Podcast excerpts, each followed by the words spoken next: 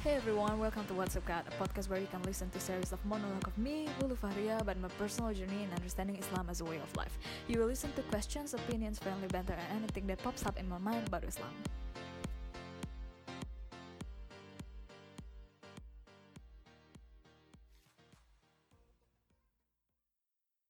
Okay, um, hari ini tuh podcastnya dalam Oke, okay, jadi gini. Hari itu podcastnya dalam bahasa Indonesia karena mungkin lo pada bingung kali ya kenapa gue introduction dalam bahasa Inggris. Gak tau, gue pengen aja. Terus tapi pas gue mikir kalau karena memang gue awalnya pengen kayak ya udahlah, gue bikin bahasa Inggris aja semuanya karena entah kenapa kadang tuh lebih enak bikin judul yang bagus kalau pakai bahasa Inggris. Kadang gue nggak ngerti kayak judul-judul dalam bahasa Indonesia tuh menurut gue agak kurang menarik. Sorry, gue lagi batuk. Um, terus uh, terus gue mikir kayak ya udahlah uh, kalau gue bikin format bahasa Inggris nanti takutnya kali kali-kali aja kan ada orang dari luar Indonesia nggak berbahasa uh, apa eh sorry ada orang di Indonesia yang nggak bisa terlalu berbahasa Inggris nggak paham apa yang gue sampaikan gitu. Padahal sebenarnya niatnya bukan buat nge-lecturein orang juga sih gue cuma ini buat kayak reminder buat dari gue sendiri aja. Terus gue tuh kemarin pengen pakai bahasa Inggris karena gue pikir kayak hmm in case nanti ada orang dari negara mana gitu yang kayak denger uh, monolog gue jadi lebih ikutan ngerti gitu. Karena tapi sebenarnya nggak masalah gue pikir kayak apa janjian judulnya aja gue taruh bahasa Inggris. Semuanya gue ngomong bahasa Indonesia. Tapi kasihan juga takutnya orang-orang yang pada datang kayak udah excited liat judul terus pas denger abis gue introduction dalam bahasa Inggris terus pas denger bahasa Indonesia lah ini apa ya? Kok nggak nggak paham gitu. Hari ini eh hari ini tahun baru. Gue nih sebenarnya lagi nunggu uh, seriesnya Netflix yang yang baru yang si apa yang si lagi lagi nunggu seriesnya Netflix Messiah. Karena gue nggak tahu sih gue excited aja untuk melihat uh, kehidupan perdak jalan di uh, series yang ada di Netflix tapi masih belum keluar keluar juga. Jadi gue kayak ya udah gue nge-record uh, podcast gue dulu um, hari ini. Oh berhubung karena gue mikir kayak uh, lagi mau nonton mas saya gue tuh kayak mikir gue akan uh, share apa yang gue pelajarin dari seputar masih seputar kayak Nabi Isa dan keluarganya juga gitu.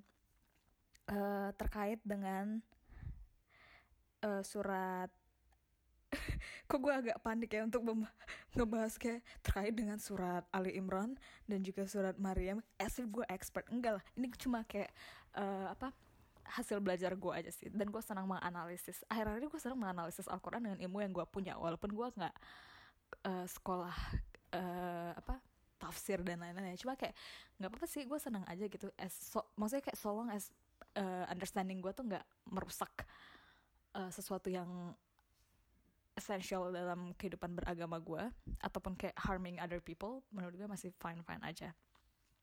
Um, yang mau gue share adalah hasil belajar gue tentang ini uh, berhubung ini tahun baru masuk tahun 2020 uh, which is kayak semua orang udah pada kayak yeah we're so excited like a new decade and something. Terus um, eh gue nggak ngerti juga ya kenapa orang-orang pada kayak se excited itu nyambut 2020 karena kayak masuk dekade baru which is fine tapi ya udah sih tahun masih ke tahun-tahun berikutnya pasti akan sama juga kelakuan orang dan oh karena menyambut uh, tahun baru gue berpikir bahwa apa yang gue akan share hasil belajar gue hari ini adalah terkait tentang hope atau harapan. Is semua orang tuh kayak pasti senang. Ketika lo menyambut tahun baru tuh lo mau punya harapan baru terhadap sesuatu. Dan yang gue akan share dari hasil belajar gue terkait surat Ali Imran dan juga surat Maryam itu adalah seputar harapan dalam kehidupan. Kayak kenapa sih uh, kenapa sih kayak manusia itu um, apa ya kadang ketika lo punya harapan lo nggak 100% yakin sama harapan lo. Uh, jadi di surat dari dua beberapa ayat dari dua surat ini tuh gue belajar bahwa oh iya ya ternyata tuh kayak itu tuh sebenarnya kayak human nature. Dalam artian fitrah manusia banget ketika lo punya harapan. Kayak no matter how you believe in God ketika apa ya harapan lo tuh bers bertemu dengan sesuatu yang lo pikir kayak this is impossible to happen lo pasti akan masih punya kayak maybe like slightly chance to doubt that it will work.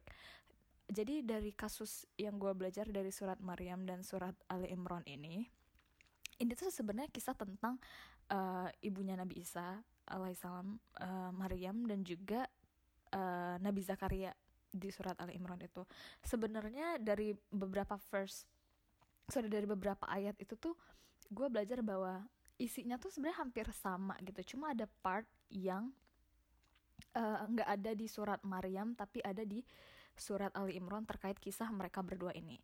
Um, jadi first of all sebagai background gue nggak akan kayak menelisik jauh tentang uh, apa kayak misal kayak asbab nuzul ayat-ayat ini dan sebagainya nggak I'm not in that capacity. Dalam artian gue cuma sharing hasil belajar gue sesuai penangkapan gue sebagai manusia biasa gitu yang yang kayak belajar bukan belajar apa ya memahami dan membuat gue tuh apa ya lama-lama tuh menyukai proses kayak cerita-cerita di dalam Al-Quran tuh karena itu kayak oh this is so relatable in your life which is uh, makes me think uh, gue juga baru sadar ya kenapa karena gue tuh selalu berpikir kayak semakin gue belajar semakin gue mendapati bahwa oh ya kenapa ya gue tuh dulu nggak dapat pelajaran-pelajaran kayak gini? Which I realize gue berpikir seperti itu karena gue sekarang di usia gue saat ini maksudnya kayak sudah melewati beberapa fase kehidupan yang mungkin apa yang dibahas di Al-Quran tuh gue sudah pernah misalnya kayak lewati atau kayak gue relate sama hal itu. Sementara kayak ya wajar aja sih sebenarnya gue mikir kayak kenapa guru-guru agama atau kayak pelajaran-pelajaran agama tuh nggak didesain untuk hal-hal yang seperti ini karena ya mungkin lo nggak akan relate juga gitu. Kayak misalnya yang hari ini gue belajar tentang kayak harapan dari surat di Al-Quran. Mungkin waktu gue SD kelas 1 belajar agama tentang misalnya kayak guru agama gue mengajarkan tentang harapan atau hope and and so on and so forth tuh gue nggak akan gue mungkin cuma iya iya doang tapi gue nggak akan relate. Maksudnya kayak oh ya udah sih. Karena ya udah bawaan anak kecil ya gue pasti belajar sekolah makan tidur main dan lain-lain gitu. Nah sementara ketika lo besar oh ya lo semakin merasakan bahwa oh gue relate sama misalnya kayak ayat ini oh gue relate sama pengalaman ini dan sebagainya. Dan um, Oke, okay, jadi sebenarnya yang hasil dari gue pelajari itu adalah kenapa gue bahas tentang masalah harapan di Al-Quran. Mungkin kayak semua orang tuh punya, lo pasti pernah nonton film atau baca buku atau dengar sesuatu yang kayak bahas tentang hope, um, dan lo merasa relate. Dan gue tuh baru sadar ternyata di Quran tuh juga ada gitu yang hal-hal yang kayak gini. Dan sebelumnya belum pernah gue jamah atau gue telisik dan pelajari lebih jauh gitu. Jadi di surat jadi sebenarnya kalau lo baca uh, surat Ali Imran atau enggak surat uh, Maryam pas banget di ayat yang berkisah tentang kayak keinginannya Nabi Zakaria untuk bisa punya anak. Jadi sebagai background karena kan ya terlepas kalau lo deng ya gue gue selalu berpikir bahwa audiens gue itu adalah teman-teman gue sendiri ya karena sebenarnya itu juga ya buat gue senang-senang aja gitu kayak berbagi informasi sama teman-teman gue um, yang mostly juga muslim ada juga beberapa yang non muslim tapi kayak kalau misalnya one day ada orang lain yang denger ini dan mereka bukan orang-orang yang apa ya like a believer dalam artian lo percaya akan Tuhan dan sebagainya. Jadi kalau jadi gini gue ceritain ya. Lu gue lelah. Bisa gak sih?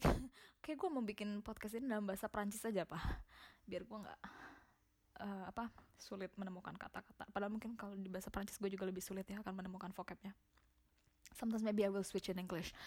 Um, where was I? Oh, oke. Okay.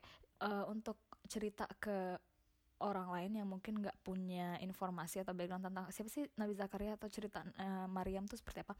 Jadi kan kalau di ini dari perspektif gue sebagai seorang Muslim di agama Islam tuh kan uh, di dalam Al di dalam Al-Qur'an tuh kita percaya bahwa Nabi Zakaria itu um, ketika beliau menjadi nabi dan rasul di uh, apa beliau itu nggak punya anak karena satu istrinya mandul dua beliau pun sudah sangat tua rentah gitu. Kayak sampai dia udah tua tuh dia nggak uh, masih belum punya punya anak. Dan gue nggak membaca misalnya kayak uh, riwayat lebih jauh. Yang gue baca tuh hanya dari beberapa ayat di Al-Quran gitu. Dan gue nggak menelisik lebih jauh tentang kayak apakah sebelum sebelumnya misalnya dari dia muda dari dia diangkat jadi nabi tuh uh, udah berdoa selalu gitu bakal punya anak dan sebagainya uh, tapi yang jelas tuh pokoknya impiannya dia tuh dia pengen punya keturunan gitu meskipun um, dia udah uh, rentah dan tua gitu. Nah, itu tuh sebenarnya ada dibahas di Quran surat Maryam. Nanti gue akan kasih informasi kenapa ini tuh sebenarnya relate sama Quran surat Ali Imran dan apa sih sebenarnya kayak uh, hubungannya dengan harapan yang manusia tuh bisa relate sebenarnya dari kisah ini. Hmm, jadi kan ketika Nabi Zakaria tuh udah kayak memohon mana ya gue cari tar gue cari dulu verse-nya uh, oke okay, pokoknya intinya di surat uh, Maryam dari ayat 3 sampai wait a sec Oke, okay, sampai ayat 7 lah itu tuh isinya tentang mulai dari Nabi Zakaria berdoa sampai dia dapat informasi dari Allah bahwa kayak um, misalnya yang di ayat ketujuh tuh Zakaria kami memberi kabar gembira kepadamu dengan seorang anak laki-laki yang namanya Yahya. Oke. okay. Nah, di situ tuh kan uh, Nabi Zakaria ada satu ayat yang mana ya? Uh, ini, ini yang gue notice dan gue highlight di ayat 4 surat Maryam Nabi Zakaria bilang kayak ya Tuhanku sungguh tulangku telah lemah dan kepalaku telah dipenuhi uban dan aku belum pernah kecewa dalam berdoa kepadamu. Oke, okay, let's highlight this um, verse gitu. Especially these words yang bilang kayak dan aku belum pernah kecewa dalam berdoa kepadamu ya Tuhanku. Jadi kayak bisa jadi ini gue men, uh, apa menangkapnya dalam perspektif gue sebagai orang ah, awam yang gak ahli Quran dan gue nggak tahu ya kayak background story lebih lanjutnya seperti apa gitu dengan kata aku belum pernah kecewa dalam ber, berdoa kepadamu which is kayak lo bisa uh, kita bisa mikir atau membayangkan bahwa mungkin Nabi Zakaria tuh udah banyak banget kayak pernah berdoa dalam minta apa pun dan mungkin dikabulkan sama Allah. That's why kayak dia nggak pernah disappointed dengan apa pun yang dia minta gitu ketika dia berdoa. Tapi untuk yang kali ini tuh dia bener-bener kayak gue pengen banget punya anak. Dan dia pengen Allah tahu bahwa kayak dia belum pernah kecewa sebelumnya ketika dia minta. But at the same time sebagai orang biasa lo lihat deh kayak uh, di verse selanjutnya tuh Nabi Zakaria bilang dan sungguh aku khawatir terhadap kerabatku sepeninggalku padahal istriku seorang yang mandul. Jadi kayak ketik, itu tuh sebenarnya sama aja sih kayak ketika lo uh, punya harapan sesuatu ini karena gue relate ya sama diri gue pribadi ketika lo punya harapan sesuatu ada sisi di dalam hati lo yang kayak berkata um, semua pasti kayak everything is everything is possible. Karena karena lo punya apa ya kayak punya uh, anggapan bahwa enggak kok kalau sama Allah tuh orang selalu bilang kayak kun fayakun terjadi maka terjadi kayak no matter how it is uh, no matter how impossible it is lo pasti akan kayak tetap enggak kok kalau sama Allah pasti kejadian. Yet at the same time itu tuh kayak ya udah lo sebagai manusia tuh juga pasti punya sisi logis yang kayak tapi kayak nggak mungkin deh karena gue gini gini gini atau kayak pasti ada aja doubt uh, sepersekian persen di dalam diri lo yang kayak masih meragukan. Even though kayak lo ya udahlah gue pasrah gue yakin gue usaha gitu. Nah yang gue pelajari dari kasus ini adalah satu ketika di verse in, apa di ayat ini tuh sebenarnya sama persis hampir lebih sama persis ayat isinya sama dengan Quran surat Ali Imran. Cuma bedanya yang di Quran surat Ali Imran itu ada tambahan nih kalau di uh, surat Ali Imran pokoknya lo lihat ayat mulai dari 30 pokoknya 3738 lah lo lihat yang di ayat 38 misalnya di surat Al Imran Nabi Zakaria tuh bilang uh, apa ya Tuhanku berilah aku keturunan yang baik di sisimu sesungguhnya kau mau mendengar doa dan uh, mendengar doa. But di atasnya sebelum itu ini yang sebenarnya menurut gue jadi apa ya cerita pelajaran tentang harapan bahwa uh, manusia tuh satu tadi pelajarannya adalah gue pribadi sebagai manusia sangat merasa ad, pernah ada di posisi itu. Kayak ketika lo lo tuh yakin 100% yakin sama Tuhan lo. Cuma di, ya di satu sisi lo juga sebagai manusia yang punya dikasih akal pasti akan punya bayangan logis kan yang kayak atau tapi kayaknya mungkin enggak deh karena this and that. Lo pasti akan cerit uh, mencari alasan logis yang kayaknya nggak mungkin. Nah begitupun juga mungkin gue merasa Nabi Zakaria juga kayak gitu kayaknya. Oke? okay? Sampai pada akhirnya yang di surat uh, Ali Imran ini yang ayat 37 tuh ada kisah tentang yang Nabi Zakaria tuh kan Nabi Zakaria tuh dikasih apa ya amanah untuk merawat Maryam ya ketika dia habis lahir sampai membesarkan dia gitu. Eh, membesarkan Maryamnya gitu. Nah yang ayat 37 itu kan dibilang kayak uh, mana ya maka dia Allah menerimanya dengan penerimaan yang baik membesarkannya dengan pertemuan yang baik menyerahkan uh, pemeliharaannya kepada Zakaria setiap kali nah oke okay. Let's focus in this verse. Setiap kali Zakaria masuk menemuinya di mihrab, kamar khusus ibadah, dia dapati makanan di sisinya. Dia berkata, "Wahai Maryam, dari mana engkau dari mana ini engkau peroleh?" Dia Maria menjawab, "Itu dari Allah. Sesungguhnya Allah memberi rezeki kepada siapa yang Dia kehendaki tanpa perhitungan." Oke. Okay. Highlight lagi verse tentang sesungguhnya Allah memberi rezeki kepada siapa yang Dia kehendaki tanpa perhitungan. Kalimat inilah yang sebenarnya kayak jadi membuat Nabi Zakaria jadi apa ya kayak 100% yakin. Gue merasa ya bahwa mungkin sebelumnya beliau kayak 99,99% gitu yakin with like a chance to doubt that it will not happen hanya karena dia berpikir mungkin kayak satu gue udah tua rentak banget dua istri gue mandul. Kayak there's no way that we will get this baby. Like it doesn't work that way gitu kan secara logis manusia. Tapi ketika Nabi Zakaria masuk um, uh, menjaga Maryam tiap kali dia masuk untuk kayak karena kan Nabi Zakaria tuh kayak ya cuma dari ini dari lecture yang gue pelajari tentang kisah Maryam dan Zakaria Nabi Zakaria itu kan punya kunci tempat Maryam itu tinggal gitu. Karena hanya Nabi Zakaria yang bisa masuk kayak ngasih uh, Maryam makanan dan sebagainya. Dan yang makanya tadi di verse 37 itu tuh ketika Nabi Zakaria mendapati bahwa kok ada makanan ini sih di sini padahal kan kuncinya di gue kayak lo dapat makanan ini dari mana? gitu istilahnya. Dan dari cerita yang gue dapatin dari lecture yang gue tonton itu adalah um, katanya tuh ada misal kayak Nabi, Nabi Zakaria datang terus ngeliat buah-buah makanan-makanan yang misal kayak buah-buah atau makanan-makanan itu tuh hanya ada di season tertentu gitu. Misal kayak kalau ini lagi winter tiba-tiba dia ngeliat kenapa ada buah atau makanan yang adanya cuma buat pada saat summer atau pada saat misalnya kayak vice versa pada saat sekarang summer Nabi Zakaria ngeliat kok tiba-tiba ada makanan dan buah-buahan yang hanya ada di saat winter di hadapan lo gitu. Lo dapet ini dari mana? Nah uh, makanya si apa si lagi makanya Mariamnya bilang ya ini kan dari Allah gitu dia bilang gitu kayak um, sesungguhnya Allah memberi rezeki kepada siapa yang dia kendaki tanpa perhitungan. Which is makes me think and realize another lesson in life bahwa human nature atau kayak apa ya secara uh, kayak fitrah manusia tuh sangat butuh afirmasi dari manusia lain atau kayak lo tuh nggak akan percaya sesuatu sampai lo ngelihat sendiri kejadian that it works kayak that it happen gitu.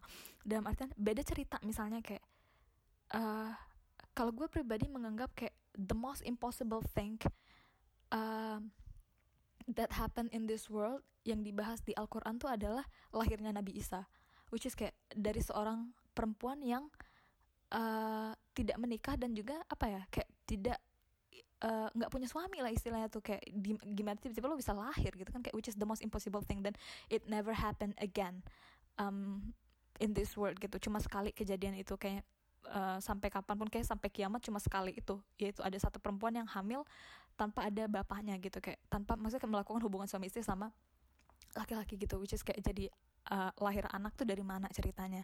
Nah mungkin kalau kejadian itu terjadi duluan gue ngerasa bahwa kayak mungkin Nabi Zakaria mikir kali ya kayak oh that will jadi kayak ada chance bahwa ya udahlah ya orang Maryam aja bisa punya anak tanpa suami ya gue walaupun gue serentak ini dan istri gue mandul pasti kalau gue yakin sama Allah dikasih ya pasti dikasih gitu kan.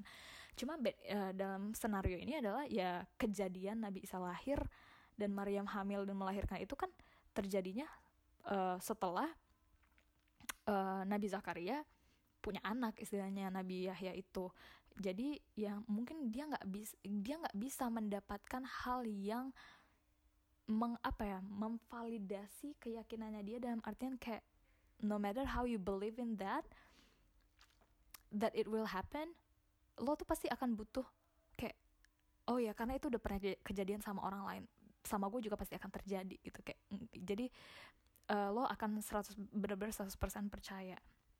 Nah pada saat gue ngeliat kayak momen apa ya gue tuh sebenarnya jadi agak relate ketika Nabi Zakaria kayak mendengar Maryamnya bilang kayak ya Allah itu kan ngasih nikmat apa pun tuh tanpa perhitungan. Maksudnya kayak ya lo jangan hitung itu ya di, yang lo pikir nggak mungkin pasti mungkin aja gitu. Lo lihat deh di sini maksudnya makanan gue ini lagi musim apa tapi gue dikasihnya makanan ini pokoknya gitu-gitu deh. Terus akhirnya ya udah dari situ akhirnya Nabi Zakaria pada saat dengar Maryam bilang kayak Allah itu nggak pernah perhitungan terhadap sesuatu. Jadi ketika maka dia langsung kayak ya udah gue minta anak. Di situ kayak gue ngerasa bahwa dia udah langsung nggak mikir lagi yang kayak mau istri gue mandul mau gue tua rentah ter, maksudnya ya itu yang disebut terjadi pasti terjadi. Kayak kalau Allah bilang iya ya iya. Dan bener um, apa?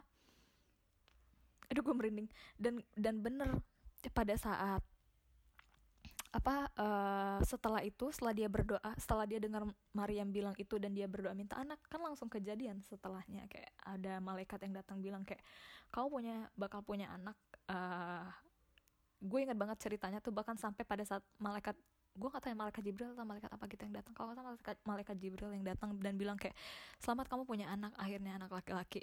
Nabi Zakaria tuh sampai kayak pas manggil istrinya istrinya tuh sampai sampai sambil kayak ketawa ketawa antara kayak ah bohong lu maksudnya kayak jangan bercandain gue gitu gitu. Kayak ya gue nih mandul dan lo udah tua kayak gitu gitu. Jadi kayak enggak kok bener. Oh my god ada anak yang ketawa kencang banget. Gue lagi ngomong ini oke okay, semoga suaranya nggak masuk. Ya udah bener kok gitu gitu. Ya udah jadi sudah gue belajar hari ini uh, tentang harapan bahwa everything is possible. Sebenarnya ini tuh karena terkait dengan ini tahun baru, gue sangat mengharapkan bahwa gue dapat beasiswa supaya, supaya gue bisa S2 secepatnya tahun ini tapi kayak gue ngerasa sih kayak ada satu sisi di dalam diri gue tuh kayak maybe it's not the time yet. Atau kayak I think that's impossible. Kayak dari sekian banyak pasti orang-orangnya tuh pasti hebat-hebat banget. Kayak gue harus compete sama anak-anak uh, super ambi yang pintar-pintar misalnya kayak gitu-gitu dengan beasiswa ini. Terus gue mikir kayak ya udah itu sebenarnya kayak logic gue sebagai manusia aja gitu melihat kayak usaha gue kapasitas gue misalnya kayak ketika gue harus compete sama orang lain. Yet at the same time gue juga kayak yakin enggak kok everything is possible um, karena maksudnya kayak Allah pasti akan ngasih lo. Ya gue yakin bahwa kayak Allah tuh nggak pernah hitung hitungan dan gue bisa afirmasi itu seyakin itu sama diri gue misalnya karena gue udah melihat banyak case dan contoh gitu kan. Misalnya kayak oh iya dari orang yang gini gini gini semuanya kejadian kayak awalnya kelihatan nggak mungkin tapi jadi mungkin gitu. Sementara ya udah kalau mungkin dalam case nya Nabi Zakaria tuh apa ya gue ngeliat bahwa beliau uh, jadi seyakin itu ketika beliau juga sudah mendapati secara langsung something happen beyond our control. Dan artian kayak ya udah akhirnya dia jadi berusaha semaksimal mungkin ketika berdoa tuh se like he put his trust 100% to God. And then it happens. Oke okay? So jadi itu jadi lesson juga sih buat gue ke depannya. Ketika gue harusnya ketika gue meyakini sesuatu tuh harus benar-benar 100% yakin. Di tahun ini gue juga kayak pengen ketika gue yakin akan sesuatu gue harus 100% yakin itu kejadian biar itu beneran kejadian. Kayak lo tau sih kayak lagunya Sarah Bareilles? Bareilles? Bareilles? Bareilles? Um, yang dia bilang kayak a dream needs believing to taste like a real thing jadi kayak ya udah lo harus percaya aja like some stranger you recognize. Dalam artian kayak ya udah walaupun itu kayak stranger lo kayak as if lo kenal aja sampai kayak dream that dream comes true. That's the lesson that I learned from today. Um what else that I can talk about about hope? Duh, gue sambil dari tadi nge-scroll nge-scroll kapan ya saya keluar. Pengen banget nonton segera. Um ya itu tadi kisah Nabi Zakaria maybe that's the first thing that I want to talk about. Mungkin kalau ada yang lain gue akan berbicara di lain kesempatan. Okay that's it. Thank you so much for listening. Um I'll see you in the next episode. Bye